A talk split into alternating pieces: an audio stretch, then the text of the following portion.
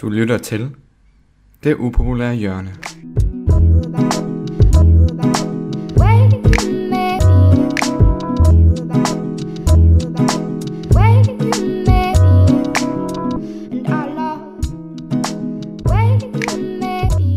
Og i dag er vi så heldige, at vi har Teresa med i studiet. Og Teresa, vil du ikke lige øh, ganske kort præsentere dig selv og fortælle, hvem, hvem du er? Jo, og tak fordi jeg måtte komme. Jeg hedder Teresa, og jeg fylder 27 her om 14 dages tid. Mm. Ja, så det stresser jeg lidt over. Og så, og så til daglig så studerer jeg pædagogik på øh, VIA i CS-byen her i Aarhus. Ja, mm. klasse. Nå, 14 dage til simpelthen. 14 dage, ja. Det er sgu gammel efterhånden. Mm. Øhm, men Teresa, du har jo noget med i dag, som du ligesom synes, der er vigtigt at, at åbne op for at snakke om. Mm. Øhm, og hvad, hvad er det for en tematik, du har overvejet, vi skulle snakke om i dag? Jeg har overvejet ret mange indgangsvinkler til den her tematik. Men, men en af mine udfordringer i livet, det er, at jeg har brugt cirka 10 år af mit liv på spiseforstyrrelser. Mm. Og det har været i forskellige forskellige grader. Der har været i de her 10 år perioder, hvor det er gået fint, og jeg har været det, jeg skulle, og jeg var... Altså mine tanker kredsede ikke om, om den her forstyrrelse, som jeg nu engang havde, eller udfordring. Og så har der været perioder, hvor, hvor det har været lidt på kanten, og så har der været perioder, hvor det er gået virkelig, virkelig dårligt. Og det har været... Øh, det har været farligt, øhm, og jeg blev nødt til at, at droppe ud af nogle uddannelser, og ja, at tage nogle valg for ligesom at overleve.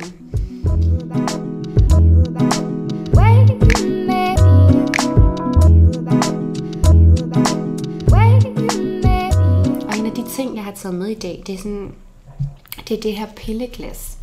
Fordi, mm. ja, lige præcis, og det er jo ikke piller, men, men en, en del af min spiseforstyrrelse, det er, at, at jeg, jeg brugte den til at overleve, når det blev rigtig svært, eller når jeg blev udfordret eller presset. Så kunne jeg ligesom falde tilbage på nogle mønstre, som der gjorde, at jeg tog bruden af det pres, som jeg følte udad til. Og det er egentlig ikke, fordi jeg har været i nogle situationer, hvor folk har presset mig eller noget, men, men jeg har følt, at jeg har været presset. Og det kunne være med, med uddannelse, eller, eller med kærester, eller med valg i livet.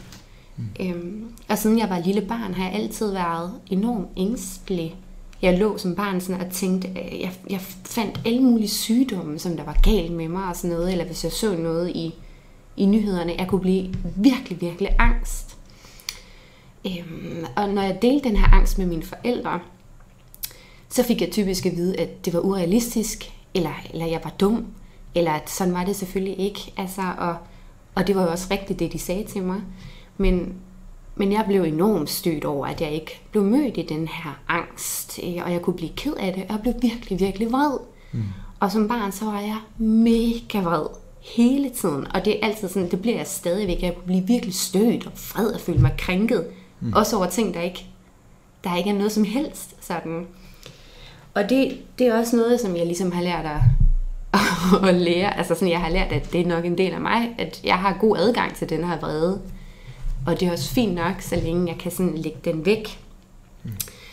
Men, men i de perioder, hvor jeg simpelthen ikke kunne leve med den vrede, og jeg havde brug for noget kontrol, jeg havde brug for et eller andet, ligesom at dæmpe alle de ting, al den angst, al den vrede, der foregik inde i mig, så fandt jeg ud af, at jeg kunne kontrollere min spisning. Mm. Og den lukkede faktisk ned for alle de her ting. Jeg var ikke angst længere, jeg var ikke vred længere, jeg var ikke nervøs. Jeg var heller ikke glad, jeg var ikke... Jeg var bare sådan, jeg var bare tom indeni. Og det var mm. virkelig det, som jeg allerhelst ville i hele verden, fordi der var bare så mange ting hele tiden, mm. synes jeg. Og det her pilleglas, det var... Øhm, må jeg lige lige hurtigt, øhm, sådan som når man hører det. Ja. Øh, så, fordi nu sidder vi jo, vi kan jo begge to se det. Mm. Øhm, men øh, der står her, at det Jeg tror ikke, du skal sige navnet højt. Nej. Sådan, fordi at, at ja. jeg, jeg begyndte at tage dem her, for jeg hørte nogen sige navnet på et tidspunkt. Okay. Men det det er, det er, at det er nogle rigtig kraftige afføringsstoffer. Okay. Øh, afføringspiller. Øhm, fordi at en del af min spiseforstyrrelse, det var, at jeg har altid været... Jeg blev diagnostiseret med anoreksi ja. som 15-årig. Og anoreksi, der bliver du virkelig, virkelig tynd, og du bliver presset og, øh, og det er ikke en måde, man kan leve på. Mm. Og jeg fandt ud af, at hvis jeg skulle have min spiseforstyrrelse ind i livet, så kunne jeg gøre det på den måde. Ja. Og det var ligesom en måde at tage bruden af hele tiden, fordi jeg længtes meget efter bare at give los og falde tilbage i den her spiseforstyrrelse, den her anoreksi. Men jeg vidste også, at hvis jeg skulle videre i livet, at jeg ligesom skulle opretholde en facade af, sådan, prøv at jeg har styr på det, I behøver ikke være efter mig, I behøver ikke indlægge mig, I behøver ikke gøre alle de her ting. Så kunne jeg tage de piller. Og så var der ligesom en lille smule af den der angst, den her lille smule af den der vrede, som der forsvandt. Mm. Problemet er, at jeg kan, ikke, jeg kan ikke starte på det, uden at det går helt galt. Det kan jeg ikke. Sådan en spiseforstyrrelse, man kan sammenligne det meget med at være afhængig af stoffer. Mm.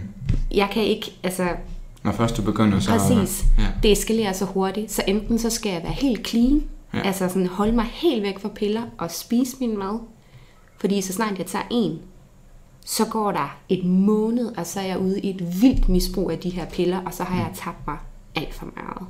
Jeg har ikke kontrol over noget som helst. Mm. Så den kontrol, jeg længes efter, den kommer bare længere og længere væk. Ja. Det har været simpelthen så pisse hårdt sådan, mm. at skulle få min kontrol igen, som er faktisk at lægge den spiseforstyrrelse på hylden. Fordi det bliver et falsk plaster på såret, og når jeg ikke mærker mine følelser, og jeg ikke mærker min vrede, eller min angst, eller sådan frustration, så mærker jeg heller ikke alle de gode ting. Mm. Jeg mærker ikke glæde, eller forelskelse, eller begejstring. Sådan, Jeg mærker ikke en skid. Sådan, så det er også, for at de gode ting skal være, der bliver også nødt til at lære at håndtere de dårlige. Og jeg kan jo ikke gå igennem et helt liv, og ikke være vred mm. eller angst. Det er sådan en del af det her med at leve. Med at leve. Men ja, det tog lidt tid at komme der til.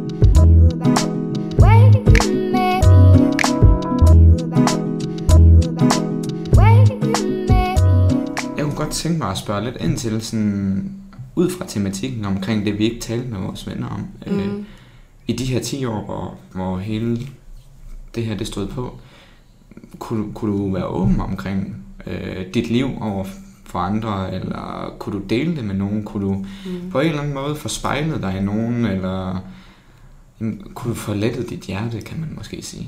Mm. Eller, eller gik du med det helt alene? Det var ikke en udfordring for mig at tale om spiseforstyrrelsen. Mm. Øhm, det var jeg faktisk ret tilpas i, fordi det blev også lidt et label for mig, sådan jeg er hende spiseforstyrret, det er derfor jeg har det sådan. Mm. Det jeg til gengæld aldrig kunne tale med folk om, det var hvordan jeg egentlig havde det. Okay. Hvor vred jeg var, og hvor bange jeg var, og hvor angst jeg var. Det kunne jeg simpelthen ikke, det, det kunne ikke, jeg skammede mig så meget over, at jeg ikke havde en plan med mit liv, eller en vision omkring, hvad der skulle ske. Eller med de her tanker, som jeg gik med. Eller den her vrede, jeg følte. Altså, jeg, jeg skammede så, mig så mega meget over, at jeg havde det på den måde. At, at da jeg ligesom kunne begynde at lukke ned for det, så blev det bare så meget nemmere. Mm. Fordi jeg kunne, ikke, jeg, kunne ikke slippe, jeg kunne ikke slippe for, at det var sådan, jeg havde det. Men jeg kunne simpelthen ikke tale om det alligevel. Og så blev det til en ting med det her med, at, at jeg prøvede at regulere det med afføringsmiddel og sådan noget. Og det er jo mega usekset. Altså, det er ikke særlig cool at sådan rende rundt. Og jeg tror, at det blev, det blev bare sværere og sværere at komme tilbage til en normal. Altså sådan, at nu taler vi bare om, hvordan vi har det, uden at det behøver at være en krise hver gang. Fordi at når jeg prøvede at åbne op, så var der bare så meget rådenskab, og der var bare så meget vrede og angst, at jeg valgte at lade være. For jeg var bange for at over, overvælde folk. Jeg var simpelthen bange for at gøre dem bange. Øhm, og især med mine forældre. Jeg var så mega bange for at sige til min mor sådan, prøv at høre, jeg er ved at brænde sammen, men jeg kan ikke mere. Sådan, jeg var så bange for, at hun blev pisse bange, fordi hun var allerede så presset derhjemme. Og det samme med min far. Altså sådan, de, de var bare presset derhjemme. Så tanken om, at jeg skulle bringe noget på bane, sådan mm. med, prøv at jeg er fucking ude af skide. Altså sådan, jeg har, jeg har ikke styr på noget som helst, og jeg er så bange, og jeg ligger om natten, og har kold sved, og kan ikke trække vejret, og jeg er så vred, mand. Og sådan, mm. at hvis jeg sagde det, så ville det være den sidste bræk, der fik det hele til at vælte. Det var det, du tænkte? Eller? Det var det, jeg tænkte.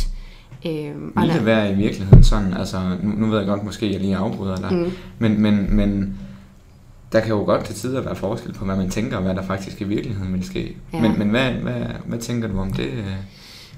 Ville det få det hele til at vælte, hvis du faktisk åbnede op og, og fortalte omkring, hvordan du havde det? jeg tror, det, det, det tror jeg simpelthen ikke, det ville. Øhm, hjemme hos os, det var, det var en lidt, en lidt underlig situation. Jeg var 8 år, gang, øh, 8 år gammel, første gang jeg hørte mine forældre snakke om, at de skulle skilles nu. Nu var deres ægteskab forbi, og, og det, det var slut, og det havde været fint, mens det varede, men nu var det færdigt. Men, men der gik 8 år før de blev skilt, før de ligesom delte det med os. Øh, så jeg, jeg var 16, 16, vil jeg gerne sige, da jeg gik, Mm, de gik fra hinanden, ja. Øhm, og i de der otte år, så var jeg så pisse bange for, at hvis jeg nu sagde det her, mm. så var det det, som der sådan, nu går vi fra hinanden, mm. eller nu bliver der taget hul på den brud, og sådan. Og jeg følte bare ikke helt, at der var det rum til stede, hvor jeg ligesom kunne sige sådan, hvor jeg, jeg, jeg ved ikke, hvad det er, fordi jeg vidste ikke rigtig, hvad det var. Jeg vidste bare, at jeg havde det mega presset, og jeg var mega bange og vred hele tiden. Og så, øh, så fandt jeg en måde at regulere det på, fordi tanken om, at jeg skulle være hende, som det fik det der til at bære til at flyde over, det kunne jeg simpelthen ikke bære. Det kunne du ikke holde ud. Mm. Nej. Og jeg ved også godt, når jeg ser det nu, at så havde det jo nok ikke været en teenagers skyld, at et ægteskab var gået fra hinanden. Men det, var, det var faktisk den frygt, jeg sad med på det tidspunkt, at nu det, nu det nok. Altså sådan, nu Therese, det er din skyld. Og det må... Wow. Det, det må have været svært at gå i så mange år og, og hvad kan man sige, måske lidt gå på glaskår faktisk, ikke? Altså, øh, mm. at være bange for at være, være den, der ligesom får det hele til at tippe over derhjemme.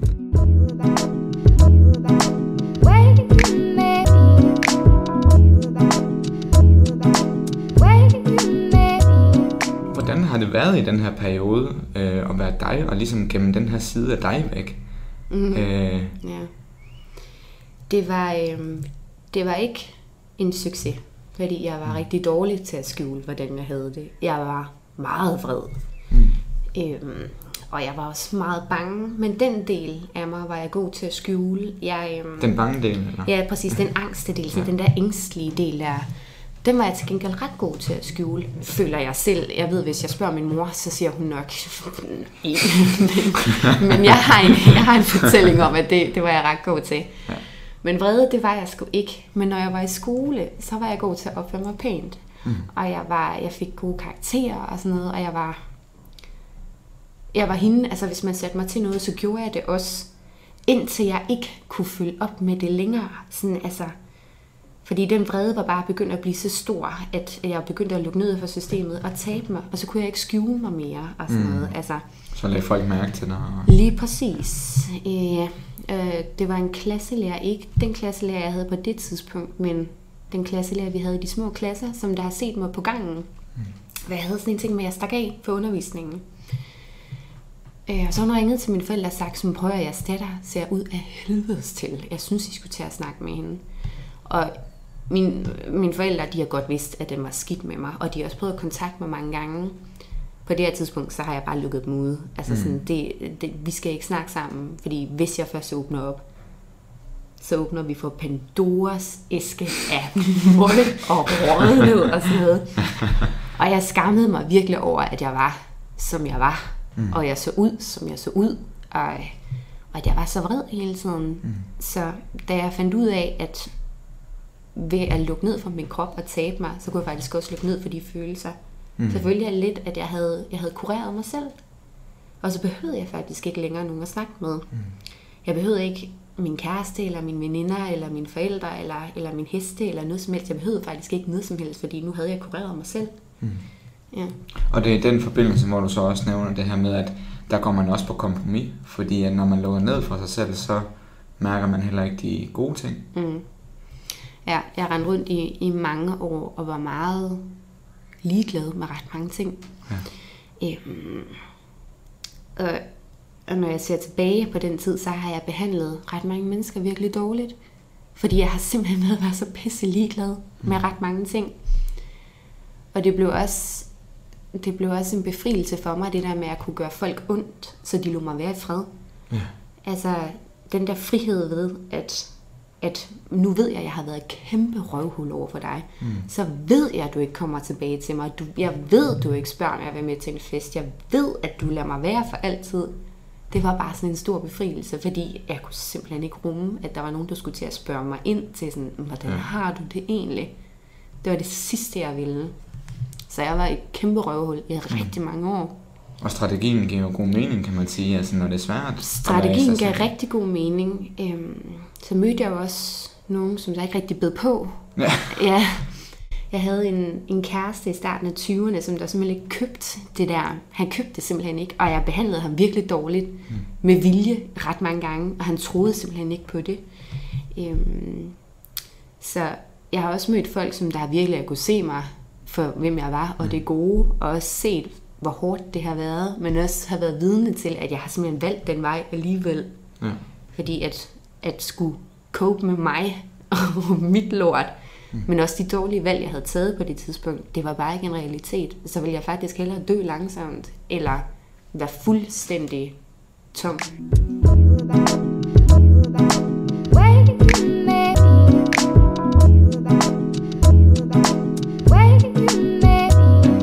Jamen, hvordan påvirkede det dine venskaber? Øh, Det her med, at du ikke kunne... Altså, selvom de så, hvem du var, og du måske febrilsk prøvede at skubbe dem væk, jamen, hvad gjorde det så ved dine venskaber, at du ikke snakkede med dem om de her ting, Ja. øh, der virkelig lå til bund for, for at du havde det skidt? Jeg, jeg endte med at blive rigtig ensom. Mm. Øhm, som barn, eller der sådan i mine tidlige teenageår, så, øh, så behandlede jeg dem ikke særlig pænt. Og jeg tror også, at, at når man får at vide nok gange af et menneske, at man er mega nederen, eller du skal lade mig være i fred, så lytter man også til det. Mm. Øh, og det bebrejder jeg ikke nogen. Men, men der har også været de folk, som der virkelig sådan sagt, ja, men, men det er fint, Teresa, hvordan har du det egentlig? Fordi nu hører jeg, at du siger, at jeg er et røvhul. Det ved jeg, jeg ikke er. Hvad, hvordan har du det egentlig? Mm. Og så de folk, der har gjort det, jeg har jo bare stået fuldstændig mundlam tilbage, fordi min strategi har jo ikke virket, vel? Altså, fordi strategien var, at nu behandler jeg dig dårligt, så du lader mig være i fred, så jeg kan få lov til at tage livet af mig selv langsomt. Mm. Og så er de fandme søde, der alligevel bare sådan, ja, men det kommer ikke til at ske, fordi jeg kan godt lide dig, og jeg synes, du er god nok, som du er. Og det har virkelig været sådan, fuck, altså. Panik. ja, fuldstændig panik, men også, det har også været det, som der har tændt et håb i mig alligevel. Sådan, okay, så måske er der faktisk noget at komme efter. Mm. Måske er det faktisk muligt at, at finde en måde at leve med mig selv på, eller komme igennem det her, og komme tilbage til den Therese, som jeg ved er derinde, øhm, uden, uden at det går helt galt undervejs. Altså sådan, at stadig kunne have den drivkraft med mig at komme derhen. Fordi nu der var det sådan nogen, der har set det i mig, som ikke er min mor, eller sådan et eller andet, eller en psykolog, eller ja. sådan noget, ikke? Øhm, så, så de folk, der har været der, eller de venner eller kærester, der har støttet mig til at komme derhen, altså jeg sætter evig pris på dem i dag.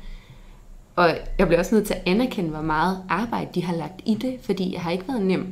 Altså jeg belaster mig selv nogle gange. Mm. Altså sådan, øhm, men, men det er faktisk det, som der gjorde, at, at jeg sidder her i dag, mm. og jeg har det, som jeg har det. Øhm, og at de blev ved med at spørge ind, men at de også de kunne holde til det, jeg sagde. Men ikke nok med, at de kunne holde til det, at de også sådan kunne møde mig i sådan på et Therese, at din frygt er altså ikke realiteten. Mm. Er du klar over, at jeg har det også sådan der? Eller ja. jeg er også bange? Eller jeg vemmes også med min krop nogle gange? Eller jeg bliver også mega vred sådan. Og det er bare en del af det her med at være menneske, det er, at vi har så også adgang til de her følelser. Ved du godt det? At det ikke kun er dig, der er så råden, mm. men det er også noget, jeg har. Men, men for at være glad, så bliver jeg også nødt til at være sur nogle gange. Ja. Og jeg kan jo ikke gå igennem et helt liv og være følelsesløs. Jeg kan ikke gå igennem et helt liv og bare være glad og lykkelig og sprudlende og mega charmerende. Jeg bliver også nødt til at anerkende, at jeg er uretfærdig, og mm. jeg er vred, og jeg kan være jaloux, og jeg kan være hemgærig, og alle de her ting, det er, jo, det er jo sider, jeg har i mig, fordi at jeg skal bruge dem til noget. Mm. Så det har virkelig hjulpet mig meget, altså at møde de her mennesker, som der bare sådan, nu må du stoppe. Mm. Altså sådan, fordi jeg synes faktisk, du er god nok, Ja. og tal venligst pænt til mig.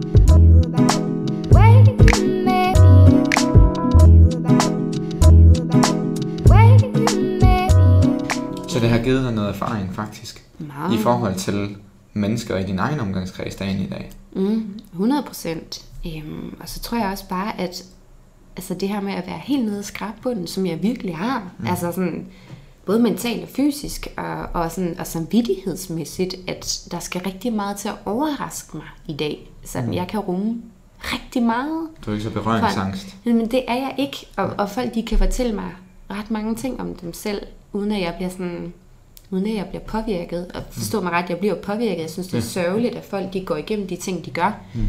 Men, men også det her med at gå igennem de mørke sider af livet, det giver en en erfaring, man ikke kan finde kun på det lyse.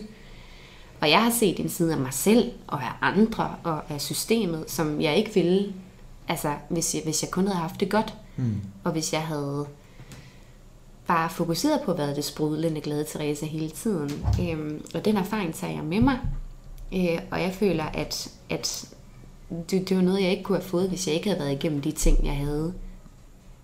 Hvad, øh, hvis du står som det voksne menneske, du er i dag, Mm. og skulle tænke tilbage på, lad os sige, 10-årige Teresa, hvad ville så dit vigtigste, hvad, hvad skulle være det vigtigste budskab til hende, Mm. hvis du kunne hjælpe hende i dag? Mm. Se på hende, at hun havde det, ligesom du havde dengang. Ja, det vil være, at det er okay at være vred, og det er okay at være skuffet. Det er altså også okay at være glad nogle gange, og du behøver ikke tage det hele så alvorligt hele tiden. Og det er okay at sætte en grænse, og det er okay at sige nej, og faktisk kræve, at folk de respekterer dine grænser. Øhm, ja, det vil være et budskab. Det ville være budskabet. Mm. Og Teresa, jeg er jo ikke i tvivl om, at der sidder en masse øh, og lytter med, som der kender til, øh, om ikke andet i hvert fald, følelserne bag. Fordi det er jo noget af det, der er det universelle ved øh, det her med at have det skidt. Mm. Det er, at der er så mange aspekter af samme sag. Mm. Øhm, Teresa, jeg vil sige tusind tak, fordi du har åbnet op, øhm, og fordi du har haft lyst til at dele de her ting med os. Øhm, det kræver også med mod, og det kræver også øh, en viljestyrke til at sætte sig selv lidt på grænsen for at kunne hjælpe andre. Øh, og det synes jeg, det er, det er virkelig, virkelig fedt gjort. Er der en sidste tanke, eller noget, du tænker, der skal uddybes, eller et eller andet, du har brug for at sige her, inden vi ligesom siger farvel og tak for i dag? Jeg tror, jeg har brug for at sige, at, at det bliver bedre. Det, det bliver bedre, mm. og det er rigtig, rigtig mørkt, når det er mørkt. Øhm, og det er mega hårdt, og det kan se ud som om, der ikke er nogen udvej. Men det bliver bedre. Ja. Hvad kunne man gøre? Nu, nu blev jeg lige inspireret af det, du sagde. Øhm, hvad kunne man gøre, når det mørke bliver rigtig mørkt? Mm. Række ud. Mm. Øhm, ring til nogen, søg hjælp online, find et forum, der ligesom kan holde dig oppe, altså når det virkelig er sidste strå. Og, øhm, og sørg for at komme ud bare fem minutter om dagen og få noget solskin. Det, personligt så var det det, der hjalp mig. Jeg ved ikke, om, om det hjælper alle andre, men, men ræk ud, fordi der er, altså folk kan rumme meget mere, end, end vi går og tror. Det er i hvert fald min erfaring. Og hvis ikke, så er der nogen, altså så kan man ringe til folk, som der ved, hvad man skal gøre, eller gå til lægen, øhm, og kræve at blive taget alvorligt. Ja, Det er en virkelig en god pointe, det der med at kræve at blive taget alvorligt, ikke? ja, Øhm, fordi man... Rigtig mange kan jo nok udadtil se rigtig fine ud, Ja. og virke til, at de har det godt. fuldstændig. Og tale en masse game, og ja. bare sådan, og jeg har bare styr på mit shit og sådan noget, og indeni, så er det bare, så krumler det bare. Ja. Men ja, den erfaring, man får med sig, når man kommer om på den anden side, den er uvurderlig. Mm. Øh, og den indsigt, man kan få i sig selv, sin egen psyke, sin krop og i andre, den er, den er vanvittig. Jeg bruger den i dag som pædagog, øhm, og jeg ved, at man kan bruge den mange andre steder. Så ja, jeg tænker, at det er nok det sidste budskab. ja. Fedt. Øhm, husk at lytte med om en uge, når vi sender det næste afsnit af det upopulære hjørne. Det upopulære hjørne. yes.